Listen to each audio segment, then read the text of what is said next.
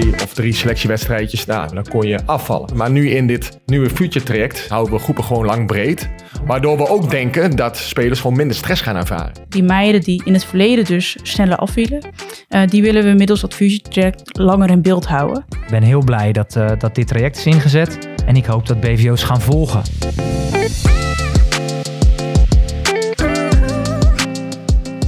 Lieve luisteraars, welkom bij De Jeugd heeft de toekomst. Een podcast van de KNVB over jeugdvoetbal in al haar facetten. Een podcast waarin ik, Piotr van der Marel, samen met een co-host in de wonderenwereld van het jeugdvoetbal duik. Samen met mijn co-host vraag ik mijn gasten het hemd van het lijf. En gaan we op zoek naar hun visie, ziens en werkwijze. Welkom bij De Jeugd heeft de toekomst. Vandaag praten we over Jeugdplan Nederland, oftewel JPN in de volksmond genoemd. Al jaren organiseert de KVB voetbalavonden waar spelers en speelsters vanaf de onder 11, onder 12 tot onder 16 hun kwaliteiten mogen laten zien aan ouders, trainers, scouts en andere belangstellenden. Vanaf dit seizoen gaat dit veranderen, de zogenaamde Futures. Spelers die nog niet volledig tot bloei komen omdat ze pas minder lang op voetbal zitten, fysiek laat rijp zijn of te maken hebben met geboortemaandeffect. We spreken hierover met Aliet Schuiringa en René ten Broeke, die verantwoordelijk zijn voor de talentontwikkeling bij de meiden en jongens. Maar tegenover mij zit een nieuw gezicht. Geen Nick deze keer, maar Lucienne Rijgaard. Zij is op dit moment manager vrouwenvoetbal bij de KNVB. Kan jij je eens voorstellen aan onze luisteraars? Ja, zeker. Dankjewel, Piotr. Ik ben uh, Lucienne Rijgaard, inderdaad. Ik kom uit het voetbal. Uh, ik heb altijd gevoel, de meeste jaren voetbal bij Aden Haag vrouwen. Uh, vervolgens bij, bij Ajax twee jaar. En een laatste jaar heb ik in, in Engeland bij West Ham United gespeeld. Dankjewel. En wat heb jij met JPN? Daar heb ik zelf ook uh, in rondgehobbeld. Dus uh, alle jaren, ik heb eigenlijk alle, alle jaren doorgelopen. En ook uiteindelijk nationaal jeugdteams. Helaas nooit het A-team, maar wel tot onder 19 uh, doorgestoomd. Dus ik, JPN ken ik heel goed. En daar was ik heel blij mee destijds. want het heeft me wel klaargestoomd tot waar ik uiteindelijk ben, ben gekomen. Ben terecht ben gekomen. Dus heel waardevol. Dankjewel. Aliet, kan jij wat vertellen over jouw rol bij JPN? Uh, ik ben medewerker talentontwikkeling in Noordoost en uh, verantwoordelijk voor de meiden daarin. Dank je. René, welkom. Heel fijn dat ik hier kan zijn. En ik ben uh, René ten Broeke dus en ik ben ook medewerker talentontwikkeling, ook in het gebied Noordoost en verantwoordelijk voor het jongens JPN Future Traject. En Aliet, kan jij mij vertellen wat JPN nu eigenlijk inhoudt? Het Jeugdland Nederland en voor de meiden geldt het voor de meest talentvolle meiden. En voor de jongens ligt het iets anders, René. Ja, zoals jij bij je intro al vertelde, proberen wij dit seizoen een hele andere opzet te creëren. En uh, zoomen we eigenlijk in op een hele andere doelgroep dan de mensen mogelijk kennen, wat het Jeugdplan Nederland eerder altijd was. En uh, nu gaan we dus helemaal onze focus op een, op een andere doelgroep, namelijk de, de biologisch wat laatrijpere speler. En veelal ook spelers die geboren zijn in het derde of vierde kwartaal. Kan je nog iets vertellen over de oude situatie, hoe vroeger JPN was ingericht? Ja, de, het Jeugdplan Nederland Jongens, dat uh, heeft men waarschijnlijk, of kent men waarschijnlijk als een podium voor de meest talentvolle jongens uit het amateurvoetbal. Uh, naast hun eigen verenigingsabord kregen ze bij de KFB extra activiteiten aangeboden via trainingen, wedstrijden. En veel spelers uh, vanuit dat oude JPN-traject, die, die vielen ook vaak op bij de betaald voetbalorganisaties of bij een hoogspelende amateurvereniging. En maakten dan ook aan het eind van seizoen vaak een stap naar of een hogere BVO of naar een amateurvereniging. En met ingang van dit seizoen maken we een andere keuze door niet meer in te zoomen op die categorie spelers, maar op uh, een andere doelgroep. En welke doelgroep is dat? Um, die andere doelgroep zijn dus de future spelers, zoals we dat noemen. Kan je daar iets meer over vertellen? Nou ja, uh, de keuze om naar die doelgroep te stappen zit opgesloten in een analyse van het jeugdvoetballandschap. Uh, in het jeugdvoetballandschap bij de jongens zien we in de top van de jeugdvoetbalpyramide, uh, dat zijn zeg maar even de hoogste divisies, de hoogste vier divisies van Nederland. Al jarenlang zien we daar dat die groep spelers vooral bestaan uit spelers die geboren zijn in het eerste of tweede kwartaal van een geboortejaar. Maar zien we ook veel vroegrijpere spelers. Ja, spelers die gewoon sneller in hun groeispurt komen dan een gemiddelde jeugdvoetballer. Um, deze groep die zijn oververtegenwoordigd in die hoogste divisies. Nou, en wat we zien, um, en dat zien we trouwens ook bij lagere niveaus. En dat zien we ook bij, uh, bij de selectieteams van amateurverenigingen. Daarentegen die spelers uit vaak het derde of vierde kwartaal en ook nog wel vaak laat rijp, hè, dus de spelers die juist wat later in hun groeispurt komen, die zijn ondervertegenwoordigd in die hoogste divisies. Nou, deze laatste groep die krijgt dus ook veel minder ontwikkelingskansen en, uh, en ontwikkelingsmogelijkheden. Nou, en dat vinden we niet eerlijk. En vandaar dat we onze aandacht willen verleggen naar die laatste doelgroep. Dat vinden we eerlijker. En jullie gaan dus um, meer spelers uitnodigen, Aliet? En hoe werkt dat bij de, bij de meiden? Ja, bij de meiden ziet het landschap natuurlijk ietsjes anders uit. We hebben op dit moment nog geen uh, last zeg maar, van het geboortemaandeffect. Um, dus bij ons gaat het echt om de meest talentvolle meiden. Um, en is onze positie in het landschap ook echt anders ten opzichte van JPN Future jongens. Um, maar we proberen wel met zulke groot mogelijke groepen te starten uh, om het hele landschap in beeld te brengen. Maar goed, dat is natuurlijk een gigantische uitdaging, ook met de scouting. Hoe we die kinderen uh, op het veld krijgen en uh, dat we ze allemaal in beeld hebben. En zou dat op termijn kunnen veranderen, dat geboortemaateffect? Dat dat ook meer zichtbaar wordt bij, bij meiden? Ik denk het wel, als je nu het landschap ziet en hoe zich dat de afgelopen jaren heeft ontwikkeld, is het natuurlijk al gigantisch in niveau. Um, ja, als dat zich door gaat zetten en uh, de breedte wordt steeds sterker en, en, en beter, ja, dan kan, sluit ik niet uit dat we op termijn ook uh, met de geboortemaandeffect te maken gaan krijgen. En dat we in de toekomst ook moeten gaan nadenken van ja, past dit nog wel bij het landschap wat we dan hebben tegen die tijd? En hoe kunnen wij ons als JPN zo goed mogelijk inzetten om dat landschap nog beter te ontwikkelen? Mooi, mooi streven. Ik denk ook een heel geweldig signaal naar, uh, naar het voetballandschap. Ja, goed om te horen. Ja, Pilter, ik zit gelijk, denk je hebt een verleden als, uh, als coach bij, uh, bij, bij de jeugd van, van Sparta. Herken jij dit, dit verhaal? Ja, ik zou zeggen, beste trainers, pak even een lijstje en begin daar eens mee. En schrijf je elf namen van je spelers op of je acht namen. En ga dan nou eens, ga eens kijken naar in welke maand die spelers zijn geboren. En zeker bij de selecties, en dat hebben wij namelijk ook gedaan. En ik zou het nog steeds doen. Dan schrik je ook wel een beetje van, oh, uh, ja, dus kwartaal uh, 1, dus uh, januari, februari, maart, is gewoon oververtegenwoordigd. Zeker bij de selectieteams. En dan pak ik net eventjes cbs.nl. En dan blijkt in, in, dat in 2021, in december, ongeveer net zoveel kinderen als in januari zijn geboren. Van datzelfde jaar. Dus dat is gek. Um, ja, en dat hebben, ik zou, je moet er bijna een quotum op zetten, denk ik in mijn beleving, dat je die kinderen ook niet vergeet. Maar goed, als er een jaar tussen zit, dan kijken scouts, die kijken, die zeggen dan tegen een aantal kinderen van nou, die zijn gewoon niet ver genoeg of nog niet rijp genoeg. Oftewel, die krijgen dus minder kansen. En dat is best wel een, uh, een strubbeling. Ik denk wel dat het aan het veranderen is. En helemaal nu dat de KVB een uh, voortrekkersrol gaat spelen uh, bij het JPN, door juist anders te kijken, ja, daar word ik heel blij van. Dus complimenten. Aliet. Dankjewel. Um, hoe zit dat dan bij de meiden? Ja, bij de meiden hebben we bij de onder 13 groepen, future groepen. Um, en in het westen van het land bij de onder 14. Uh, en dat doen we nog niet bewust, of dat doen we niet bewust omdat we te maken hebben met uh, geboortemaandeffect. Maar dat we wel zien dat er uh, verschil zit in vroeg rijp of laatrijp. Um, en zeker bij die kleine meiden die echt later in de groeispurt komen. Uh, op 12, 13-jarige leeftijd kan dat verschil soms immens zijn met meiden die uh, al gehad hebben of er misschien mogelijk middenin zitten. Um, dus daar willen we ook dat die groep, dat we die langer in beeld houden, dat die breder blijft, maar ook dat we die meiden die in het verleden dus sneller afvielen, uh, omdat ze op fysieke basis nog niet voldoende bijdrage konden leveren aan de wedstrijd, die willen we middels dat fusietraject langer in beeld houden. Want ja, in potentie kunnen dat over twee of drie jaar wel de speelsen zijn uh, voor de toekomst. Waarvan we zeggen van ja, um, in potentie kan dat een nieuwe Oranje Leeuwin zijn.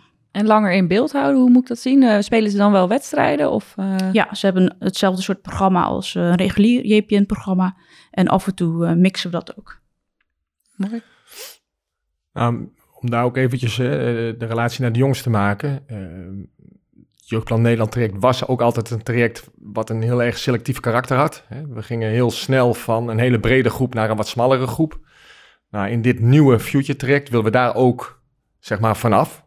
In principe, als je voor de KVB wordt uit en je wordt geselecteerd, of in ieder geval je komt in aanmerking voor activiteiten, dan ga je ook een duurzaam traject aan. Dan is het ook zo dat je voor een langere periode deel mag uitmaken van een talentgroep En dus ook een, een, een groot aantal keren gewoon trainingen en wedstrijden krijgt aangeboden.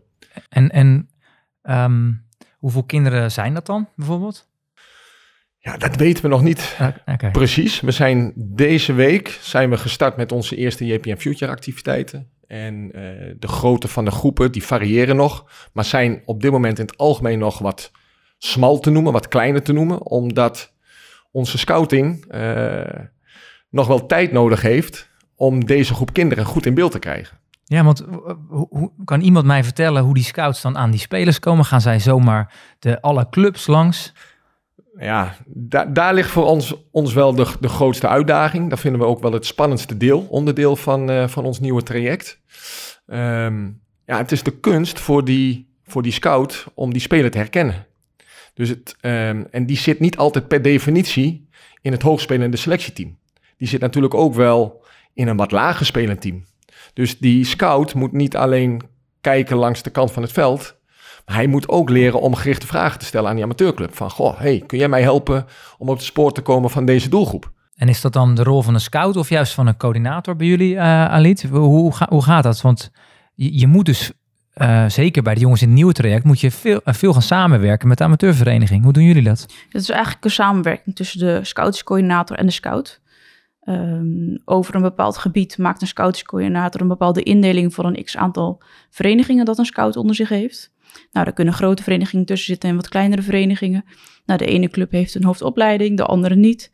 Uh, de andere heeft weer een uh, technische commissie. Um, dus het is echt kennis maken met de vereniging om erachter te komen van hoe is het georganiseerd. En bij wie kan ik het beste terecht bij de, met de vragen. Uh, om erachter te komen van ja, welke kinderen sluiten mogelijk aan bij onze doelgroep. En zouden daar een hartstikke mooi plekje in kunnen krijgen om zichzelf nog beter te kunnen ontwikkelen. Oké. Okay.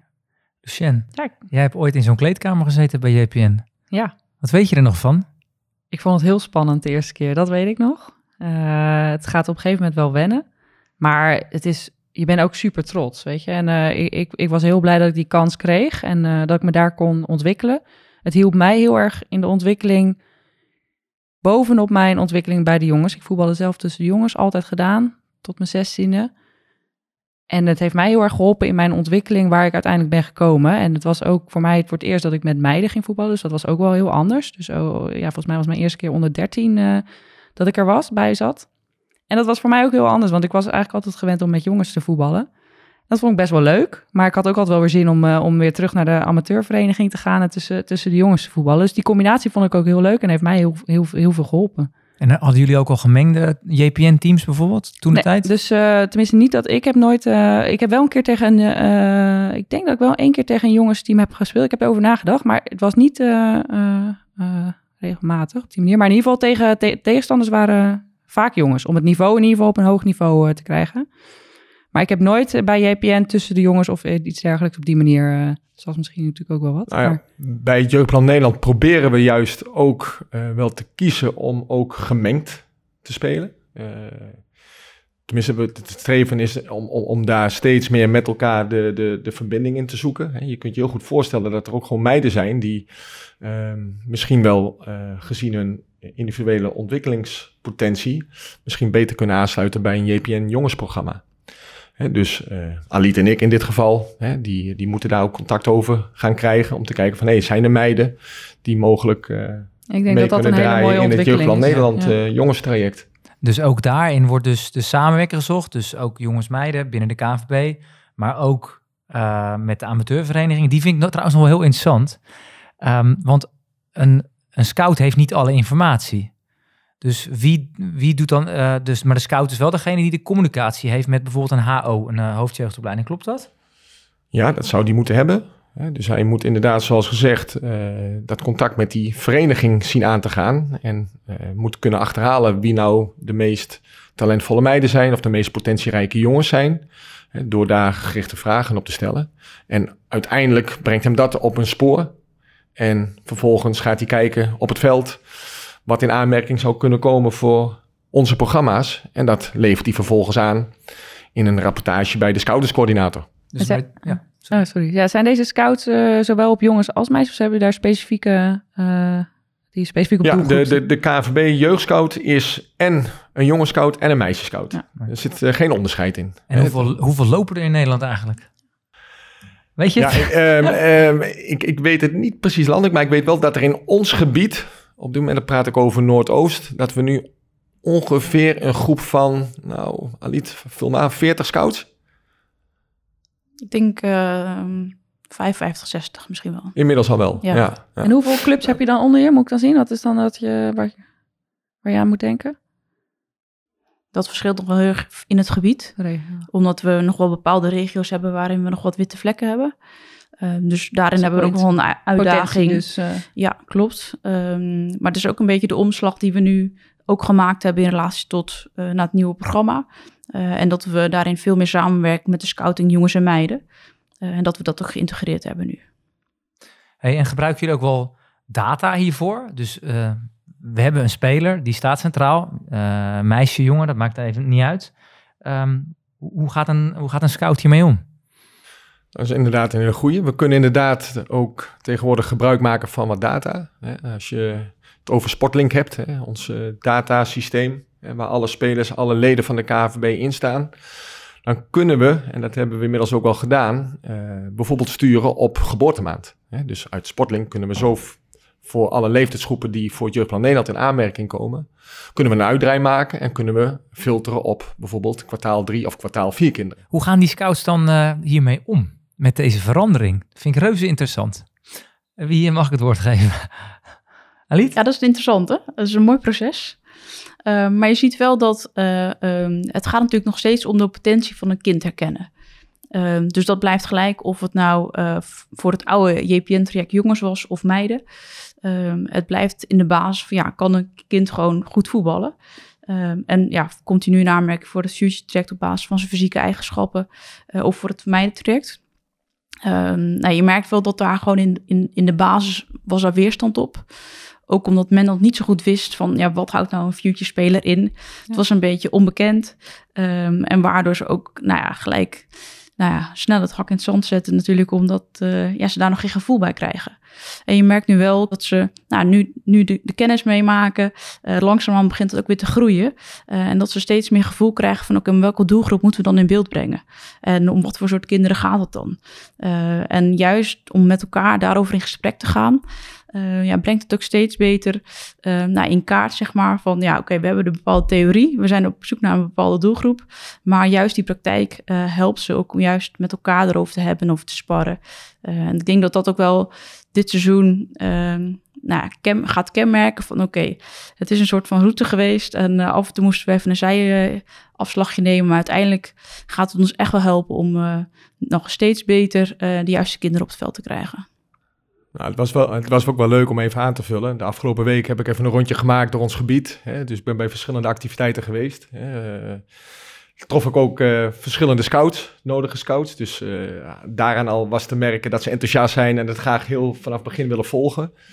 Ehm, je merkt wel dat ze graag geholpen willen worden. Hè? Van hey, vertel me nou eens, hoe kunnen we nou het beste kijken naar die groep kinderen? Dus daar ligt inderdaad voor ons ook wel weer hè, ook wel een belangrijke of, of, of een kans of een uitdaging, hoe het maar noemen wil. Dus we moeten er, en daar zijn we ook inmiddels mee bezig, om goed na te denken hoe ze kunnen helpen, die scouts. Door bijvoorbeeld scholing aan te bieden. En eh, gewoon de praktijk in te gaan met elkaar. En dus gewoon naar een wedstrijd te kijken en met elkaar ja, naar het veld te kijken van... hé, hey, hoe ziet nou zo'n future speler eruit? Om dat daarna weer in kleine verband eh, terug te koppelen met elkaar. Dus eh, scholing is wel ook een belangrijk onderdeel van ons programma. Ja, denk ook dat je ze natuurlijk nu mensen een andere bril gaat geven. Ja, het is een andere bril dan de bril die ze op moesten hebben toen ze nog voor het oude JPN jongens Ja. aan de slag gingen. Oké, hey, en eh, jullie, ehm, ik zie op, het, op, de, op de planning staan, wedstrijden, trainingen, die zijn gepland. Die kan je op de KNVB-website, vond ik een hele jaarplanning. Ehm, maar kunnen jullie voorbeelden geven van zo'n, van zo'n programma? Even eh, bij jou, Lucien, eh, beginnen. Hoe, hoe, wat heb jij vroeger dan gedaan? Zo, dan ga je wel ver terug in de tijd hoor. Ik denk dat mijn moeder het beter weet dan ik. Maar eh, die reed altijd. die reed altijd. Die moest altijd, eh, die moest altijd weer snel stoppen van werk. En eh, ja, ik was heel blij dat zij natuurlijk daarin ondersteunen. Want het kost best wel veel tijd. Dus laat dat voorop staan. Maar het was volgens mij altijd de woensdag voor mij. Het is altijd de woensdag dat er, dat er de wedstrijd... en dat was ook met Nationaal op een gegeven moment. Hoe verder je komt, krijg je natuurlijk ook meerdaagse. Maar een wedstrijd in de avond, ja. Of een training op dat tijdstip. Even gewoon benieuwd naar, heb je ook wel eens druk ervaren in die wedstrijden? Ja, nee, dat, dat is wat ik zeg. Zeker hoor. En zeker als je jong bent. Ja, ik had dat persoonlijk echt wel. Eh, maar je wordt wel heel erg gerustgesteld ook eh, door de coach en, en door de omgeving. En eh, dat je, ja, weet je, dus dat, dat ervaarde ik uiteindelijk was dat, was dat goed. Maar je, als je de eerste keer ergens komt, is dat best wel spannend. Ja, dat lijkt me ook. Ik, ik merkte, want ik merk, merkte vooral dat rond die wedstrijden iedereen heeft het gevoel dat ze voor het Nederlands elftal mogen spelen. Je bent gescout door de KNVB. En dus er, ligt ook voor jullie een hele grote taak om daar goed mee om te gaan. Net zoals dat BVO's een taak hebben om goede nazorg te eh, verlenen als kinderen uitstromen. Kunnen jullie daar een voorbeeld van geven?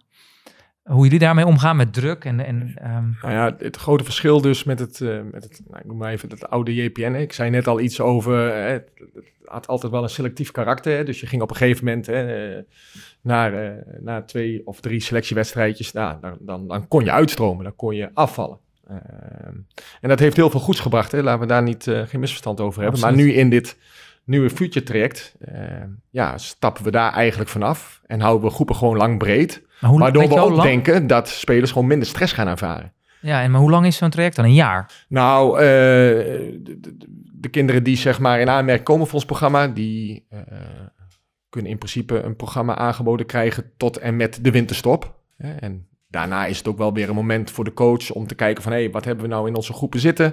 Hè, en welke kinderen ehm, ehm, hebben er misschien wel heel erg moeilijk mee met het niveau? Hè? Nou, en dan is het misschien mogelijk dat ehm, een, een, jongen zou kunnen uitstromen. Hè? Eh, maar dat is niet de intentie die we hebben. Nee, doet, en stel dat iemand uitstroomt, doet, doet de trainer dat bij jullie, eh Alit?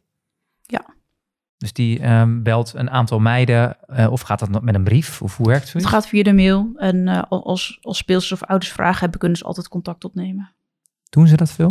Ehm, ja, er wordt veel gebruik van gemaakt. Ja? ja. Oh, mooi. Ja. mooi. Dan wordt het- en, dan, en dan worden er vragen gesteld waarom iemand is uitgestroomd. Ja, vaak leggen we de eerste vraag ook bij de speelster zelf neer. Van, ja, heb je zelf nagedacht over je eigen ontwikkeling, eh, eh, hoe je hebt kunnen laten zien eh, en, en, en, de omgeving waarin je hebt gespeeld ten opzichte van de andere meiden.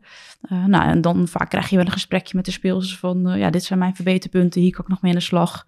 Ehm, en dan vraag ik ook altijd even, ja, ben je nou voldoende geholpen om daarmee op de club mee aan de slag te gaan? Of heb je nog extra ondersteuning daarbij nodig?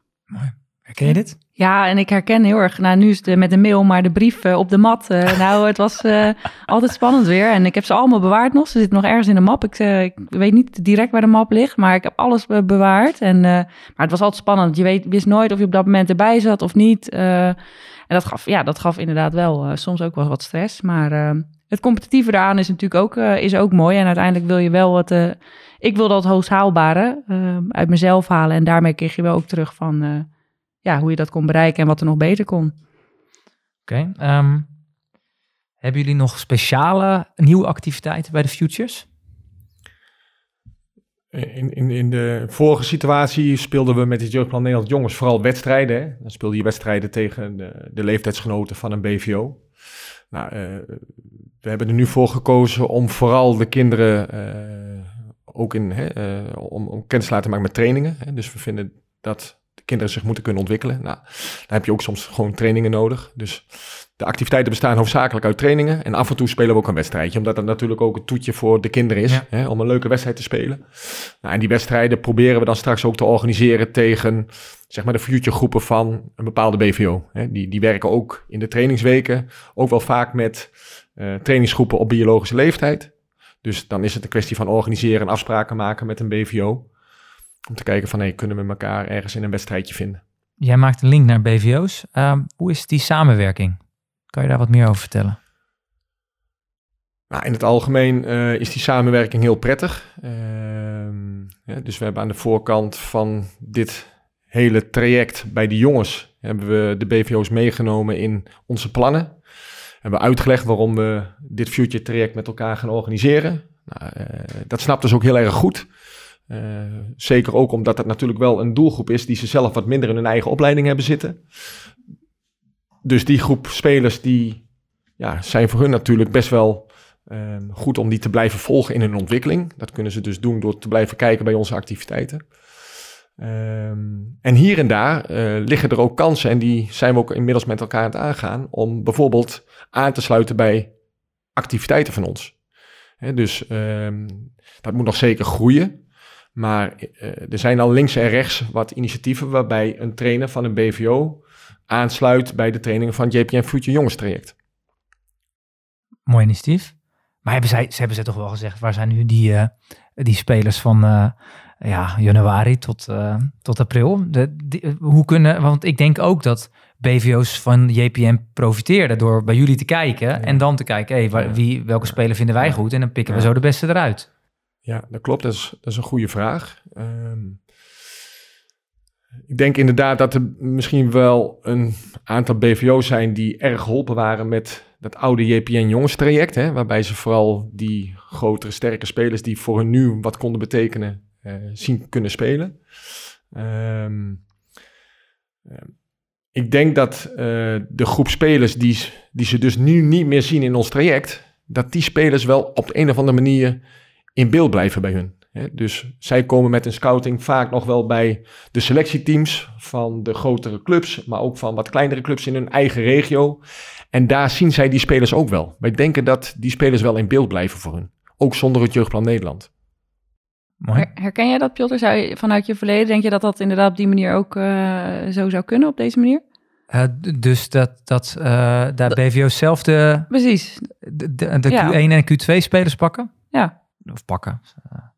Uh, ja, dat, dat ik, maar ik vind dat ook gewoon de taak van een BVO om goed je landschap te weten wat daar speelt. Ja. Letterlijk en figuurlijk. Um, maar, maar ook de, de andere kant is dat je ook laatrijpers en kinderen die later op voetbal komen, dat je die ook ziet. Ja, en dat, dat mis ik, heb ik wel vaak gemist. En ik voelde wel in de laatste jaren dat, dat, dat het aan het veranderen is, positief gezien. Ja. Maar nog steeds, pak alle lijstjes er maar bij. Te veel kinderen uit januari, februari, maart. En dan moet je dus door gaan rekenen wie dan uiteindelijk betaald voetbal haalt. Ja, en ja, daar valt nog wel veel te winnen. Dus ik ben, uh, ben heel blij dat, uh, dat dit traject is ingezet. Uh, en ik hoop dat BVO's gaan volgen. Dat, is, dat lijkt me het allerbelangrijkste. Ja. Bij jullie ligt dat iets anders, toch, Aliet? Ja, het landschap voor, voor de meiden ziet er natuurlijk totaal anders uit. En ook in relatie tot, tot het landschap van de BVO's. Um, dus ja, de, de meeste BVO's starten met, met, met trainingsgroepen. Uh, in verschillende levenscategorieën, totdat ze een onder 16 hebben. Een enkel, enkele BVO heeft dat nu, of een belofte en het eerste team. dus daarin ziet het landschap natuurlijk totaal anders uit. Alleen, ja, dat is wel een beetje ook de rol die wij hebben. Um, en, en de collega's die dezelfde functie hebben in relatie tot de meiden die en een trainingsprogramma zitten, bij een amateurvoetbalclub zitten en binnen het JPN zitten. Van hoe komen we tot de nou, beste invulling van het weekprogramma. Uh, en, en hoe stemmen we dat goed op elkaar af om tot een uh, goed programma te komen voor die meiden. En hebben jullie, um, um, voor, de meiden lijkt me het nog lastiger om overal de beste spelers vandaan te halen. Um, hebben jullie bepaalde uh, ideeën daarover? natuurlijk ook de scouts, maar zijn er nog meer activiteiten die jullie organiseren om nog meer meiden te zien? Nee, de scouting is echt wel het belangrijkste punt. Uh, net werd even datascouting aangehaald. Dat is ook voor JPN meiden gewoon een hartstikke belangrijke levensader. Uh, uit sporteling kunnen we natuurlijk hartstikke goed halen welke meiden op een bepaald niveau spelen. In welke competities. En daarin zijn natuurlijk met name de voor ons heel erg interessant. En dat is ook wel een beetje de ontwikkeling die de laatste jaren gaande is natuurlijk. Ja, het niveau gaat steeds verder omhoog. en met name ook in de breedte. waar je voorheen misschien in jouw tijd was het al best wel hoog als je op eerste klas of hoofdklasseniveau speelde bij de jongens. Ja, ja. en nu is dat eigenlijk de ondergrens hoofdklasse en met name de divisies. Ja. Um, dus daarin zie je ze echt wel stappen maken. maar dat betekent ook dat dat een hulpmiddel is voor onze scouting om, om juist die groep meiden in beeld te brengen. Alit, even terugkomend op die BVO's. Moeten die dan niet jonger dan onder 16 teams gaan aanbieden? Nee, in onze ogen niet. Uh, voor ons ligt voor juist voor die leeftijdsgroepen ligt de toekomst in gemengd voetbal. Uh, daarin kan een meisje uh, veel beter een passende plek vinden op basis van haar eigen niveau, ambitie en beleving. En ja, dat is niet of nauwelijks te realiseren als je meiden in een bepaalde regio bij elkaar brengt en, eh, en dan in een competitie laat spelen tegen andere BVO's. Ja, en we zien, ik vind het wel interessant, want we zien wel een verschuiving de laatste jaren ook eh, eh, sinds kort eigenlijk dat er bij BVO's in de, in de jeugd ook meisjes tussen de jongens eh, voetballen gemengd. Hoe kijk jij daar tegenaan? Want ik denk een hele mooie ontwikkeling, maar hoe kijk jij daar? Ja, in de onderbouw is natuurlijk fantastisch. Ja. Want dan heb je het gewoon, dan is het een soort van maatwerktraject. En wordt het niet op basis van de aantallen die we bij elkaar moeten halen, eh, een programma ingericht. Maar is het puur ja, de meiden die eh, eh, een plek krijgen in de onderbouw van de BVO, eh, ja, krijgen net zo'n fantastisch programma aangeboden als de jongetjes daar. Eh, dus dat is natuurlijk een hartstikke mooie ontwikkeling die gaande is. Dankjewel. Ehm ik denk dat wij in deze podcast eh, het gehele JPN-verhaal aan, de luisteraar, aan de luisteraars hebben verteld. Ehm, René, nog een nabrander? Eh, ja, want jullie, hebben, jullie gaan best wel een spannend traject in namelijk. Ja, zeker spannend hè. Wat eh, net ook al wel aangegeven heb, zijn zeker nog wel een aantal dingen die met vraagtekens eh, voor ons liggen. Maar we weten wel dat we waar we heen willen. We hebben een duidelijk idee waarom we dit willen. Hè. Deze doelgroep namelijk gewoon betere kansen geven. Nou, daar gaan we voor en daar geloven we ook in. Mooi. Lucien? Ja, ik vind het een mooi verhaal. Ik ben heel benieuwd. Ik ook. Ja, allemaal denk ik. Ja. Hebben wij nog een, een rondje tips? Dat doen we altijd in deze podcast. Een rondje tips met ehm, ja, dingen die je nog eh, kwijt wil aan de luisteraar. Die ze mee kunnen nemen bijvoorbeeld. Aliet? Ja, potentie van kinderen is natuurlijk hartstikke lastig in te schatten. Eh, dus sluit ze niet eh, eh, te snel uit. En probeer voor ieder kind een passende plek te vinden die bij hem of haar past. Nou, volgens mij heb je hem net al voor mijn eh, voeten weggemaaid. Eh, je had het eventjes in het begin van je verhaal over van nou, als je nou een club bent, je bent, eh, check nou eens binnen je eigen vereniging, ehm, eh, waar de kinderen nu geboren zijn in, eh, in de hoogste selectieteams. En leg dat eens gewoon naast elkaar en kijk eens eventjes hoe die, hoe die verdeling dan is. En eh, als die nou echt inderdaad ook eh, blijkt dat het een overgroot deel is aan spelers die geboren zijn uit het eerste en tweede kwartaal. Nou, denk dan even terug aan deze podcast. En eh, probeer eh, eens met je, met je mensen binnen de club eens na te denken over... Nee, hoe kunnen we dat nou ook een beetje eh, ombuigen naar ook spelers die geboren zijn in, dat, in die laatste half jaar van een geboortejaar. Kunnen we die betere kansen geven? Ja, als ik terugkijk naar mijn verleden, ik denk dat het, als ik naar amateurclubs kijk, dat het belangrijk is dat we zeker op jonge leeftijd voor meiden eh, belangrijk is om gemengd voetbal eh, te spelen. En eh, dat je daarin ook de ontwikkeling van het individu, maar ook samen, denk ik, in de ontwikkeling met, met jongens voetballen. Ik, ik denk dat het goed is dat als je op jonge leeftijd samenspeelt met jongens, voor jongens en meisjes allebei, dat je daar op latere leeftijd profijt van hebt, op welke manier dan ook, los van het voetballen. Dus ik denk dat het nog steeds heel belangrijk is dat je zeker onder 12 eh, gemengd voetbal laat plaatsvinden binnen een amateurclub. Hele mooie tip, dankjewel. Ja, ik heb eh, er eigenlijk nog, nog eentje. Ik denk dat, eh, dat de KNVB hiermee een enorm goede weg is ingeslagen. Dat horen jullie ook aan mij. Ehm, maar eh, dat het ook te maken heeft met talentherkenning. En hoe we daar naar kijken. En ehm, wij gaan in een verdere podcast, zullen we hier ook nog eh, op verder ingaan. eh, over hoe de KNVB overdenkt. En wat daar tips en tricks voor zijn voor jou bij de vereniging. Luisteraars, dankjewel voor het luisteren. En jullie ook allemaal aan tafel bedankt. Dankjewel. Dankjewel. Graag gedaan.